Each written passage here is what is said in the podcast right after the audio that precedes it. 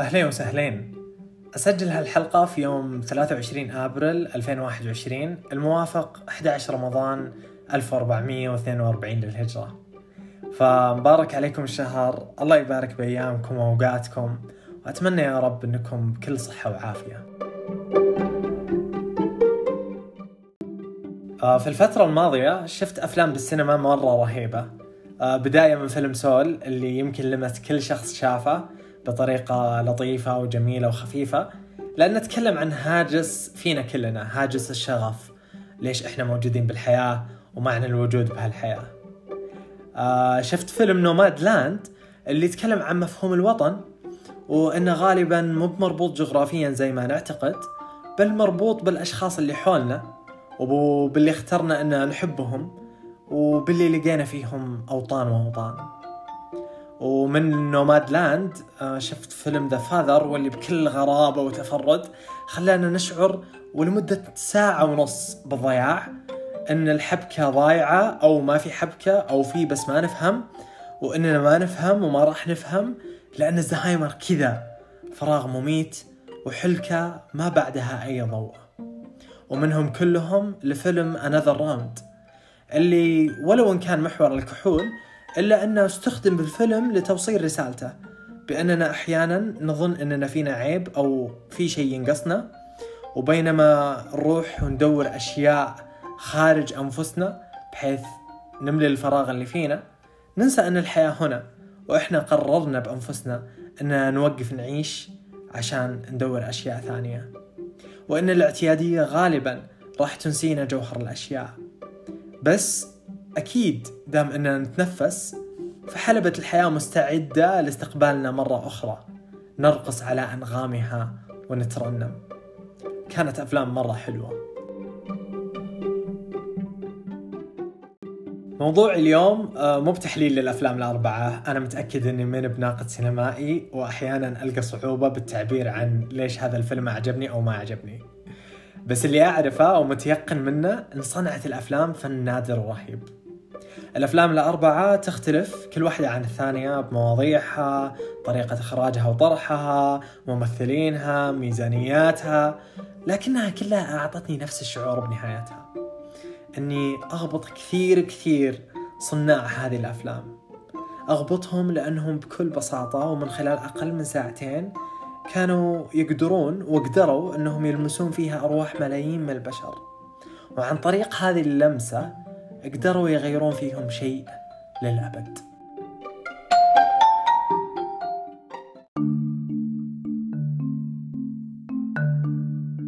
يمكن اللي دخلوا معي الفيلم والصالة وشافوا الأفلام الأربعة ما يشاركوني هالأفكار ويعني وأنا أعذرهم. بس بالنسبة لي كانت ولا زالت القصص محرك أساسي لقلبي شيء نشأت عليه من أيام لما أنا وأختي الصغيرة وإحنا صغار كنا نترقب نهاية اليوم بكل لهفة. متى يدخل علينا الشايب الحكيم يقول لنا قصة النوم. طبعا كان الشايب الحكيم أبوي متنكر. لما كبرنا وتوقفت زيارات الشايب الحكيم لقيت بروايات أغاثا كريستي ونبيل فاروق البديل. يوم كنت أفكر مع المحقق البارع حيروك البوارو وأمام هالقضية اللي لازم يحلها قبل لا يزيد عدد ضحاياها. واليوم الثاني كنت مع الرجل المستحيل نفكر كيف نطلع من المبنى المحاصر من قبل 2000 جندي و70 دبابة. ولما صرت مراهق وكبرت على هالروايات تعرفت على فضاء الأفلام والمسلسلات اللي ما له حدود. وبأيام لما ما يصير لي خلق أقرأ أو أشوف شيء كل اللي أفعله بكل بساطة أني أطفي لمبات غرفتي وأنسدح وأسرح بخيالي. يوم أنا فيه لاعب ناشئ يدخل بآخر دقيقة ويقلب النتيجة الفريقة وهو الآن يواجه صعوبة بالتأقلم مع حياة الشهرة. ويوم أنا في وزير مثل غازي القصيبي أتلطم وأروح أشوف وزارتي شلون تشتغل وتعامل المواطن العادي. ولا زلت إلى الآن وأنا بعمري 27 مدمن قصص لأن مهما كان ومهما يكون بالنسبة لي ما في أجمل من الشعور اللي يجيني لما أسمع أو أقرأ أو أشاهد قصة جميلة. ولأن القصة هوس بالنسبة لي حسيت أنه كان طبيعي جدا أني قمت من النوم قبل كم أسبوع وبعقلي تساؤل من يكتب هذه القصة؟ ومع أن شطحات مخي متعودة دايما والتساؤلات الغريبة اللي نتحفظ على أغلبها يعني يا كثرها إلا أن هذا التساؤل يمكن من التساؤلات النادرة اللي خلتني أبتسم أول ما جاء على بالي. ابتسامتي ما كانت لأن التساؤل مضحك ولا ابتسامة ساخرة بس إنها ابتسامة مقتبسة من هيروكل بوارو لما يلقى قضية تتحدى قدراته وتثير اهتمامه. وبالتأكيد سؤال من يكتب قصتي أثار اهتمامي.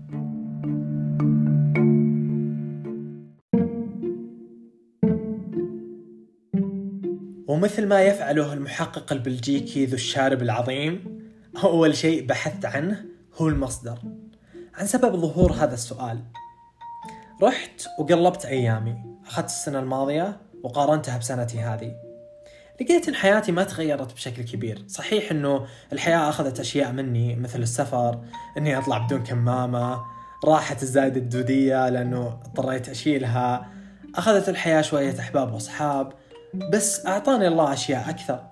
رغم ذلك لا زلت محمد اللي ما شافني له ثلاث سنوات ولقاني في الشارع بيقول أوه هلا أبو حميد. بيلقاني زي ما أنا محمد.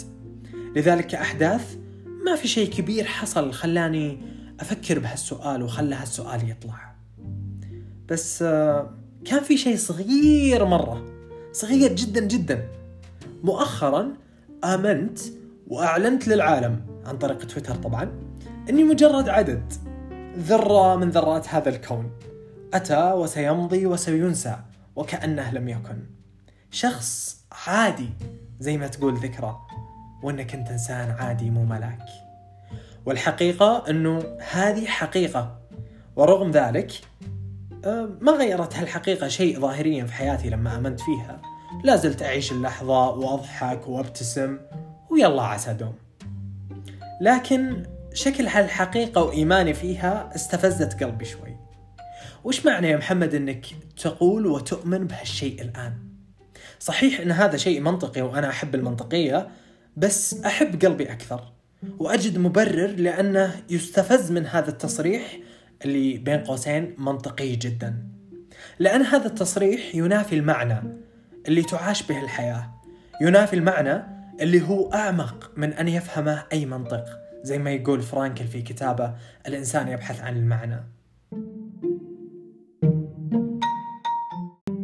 لما قلت لنفسي وقلت للعالم إني إنسان عادي ما كان هدفه إنكار إني شخص غير عادي لأني أعرف هذا الشيء. بل كان هدفه أكثر هو التسليم. إني وضعت نفسي وبكل بساطة في حياتي في دور ردة الفعل في إني أنا أكون أثر وليس السبب. بكل بساطة كنت بهالتصريح أهرب وأتنصل من المسؤولية الكاملة عن حياتي وكأن شخص آخر يمسك بزمام أمورها.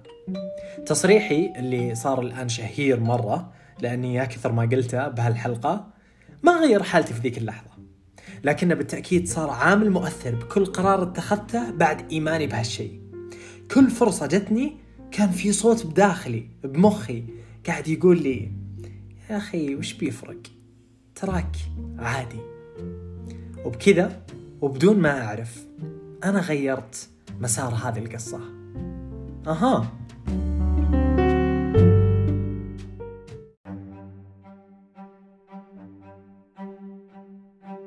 أقول لأخوياي دائما وأبثرهم فيها مقولة من مقولاتي المفضلة. You are what you eat. أنت نتاج ما تأكله. لأني كشخص مهووس بأنماط الغذاء وعلاقتها بالجسد والروح مقتنع أن خياراتنا بالفطور اليوم راح يأثر ولو بشكل بسيط جدا بجسدنا وأرواحنا المستقبلية. لذلك أنا لما أشوف أن جسمي اليوم كويس أؤمن أنه أحسنت الاختيار فيما آكله بالأيام الماضية. ولأن الإنسان يتطور ومداركه تتوسع حرفت بهالمقولة شوي لما يعني طورت. وصارت بداية السنة هذه You are what you consume. أنت نتاج ما تستهلكه. لأني آمنت بشكل كبير جدا أن كل شيء نستهلكه راح يكون له أثر بحياتنا. مو بس الأكل اللي ناكله الكتب اللي نقرأها الأشياء اللي نسمعها أو نشوفها الأصحاب اللي نختارهم ويختارونا البيئة اللي نخلقها أو نقبل فيها.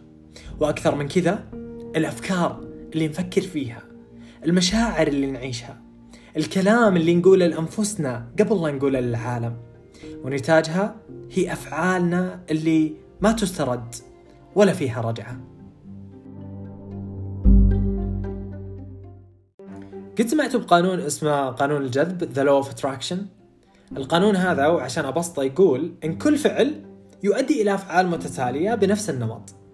هالقانون يقول لك إذا نمت متأخر اليوم فغالبا ما راح تروح النادي بكرة وراح تاكل fast food بعد وغالبا بعد أسبوع إذا ما وقفت نفسك بتلقى إن نظامك الصحي خرب كله.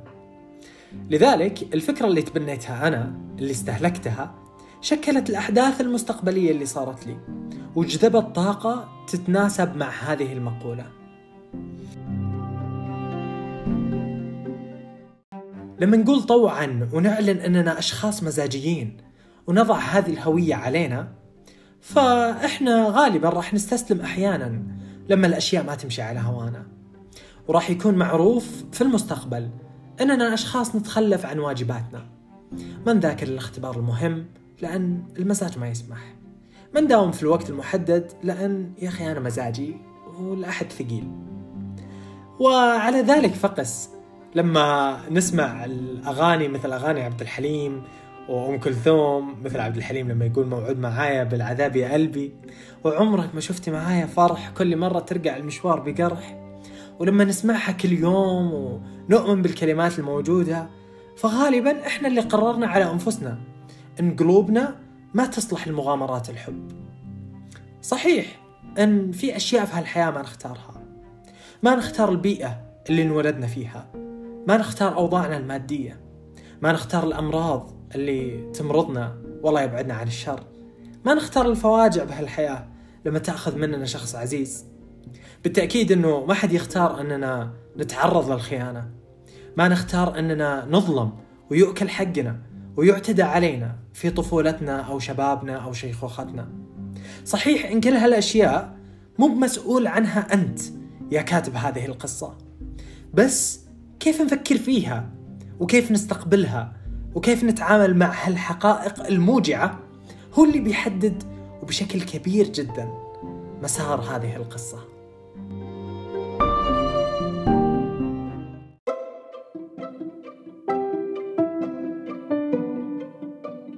الدكتورة بيرني براون لها مقولة عظيمة جدا تقول المقولة Owning your story is the bravest thing you will ever do امتلاك قصتك هو أشجع شيء ستفعله على الإطلاق. في تحرر كبير مرة لما نقول إحنا مسؤولين مية بالمية عن حياتنا. لأننا لما نؤمن فعليا بهالشيء نتحول في قصتنا من دور الضحية لدور المحارب المحارب الشجاع. قصتي؟ ما أدري شلون قصتي راح تكون. وما أعتقد أنه مهم أني أصنف قصتي هل هي عادية أو لا. لأن هذا التصنيف غالبا مرتبط بفكرة كيف نبغى الناس تتذكرنا بعد ما نغادر هالحياة. ويا رب السمعة الطيبة والأثر الحسن بس مو بهذا المهم. المهم بالنسبة لي وبالنسبة لك هو هذه اللحظة هذه الدقيقة. لأن الحياة الآن وهنا وهو مكانك الوحيد يا كاتب القصة. في أنك تكتب فصل جديد. ألقاكم يا رب على خير. أنا محمد الشملان وهذا بودكاست النشافة.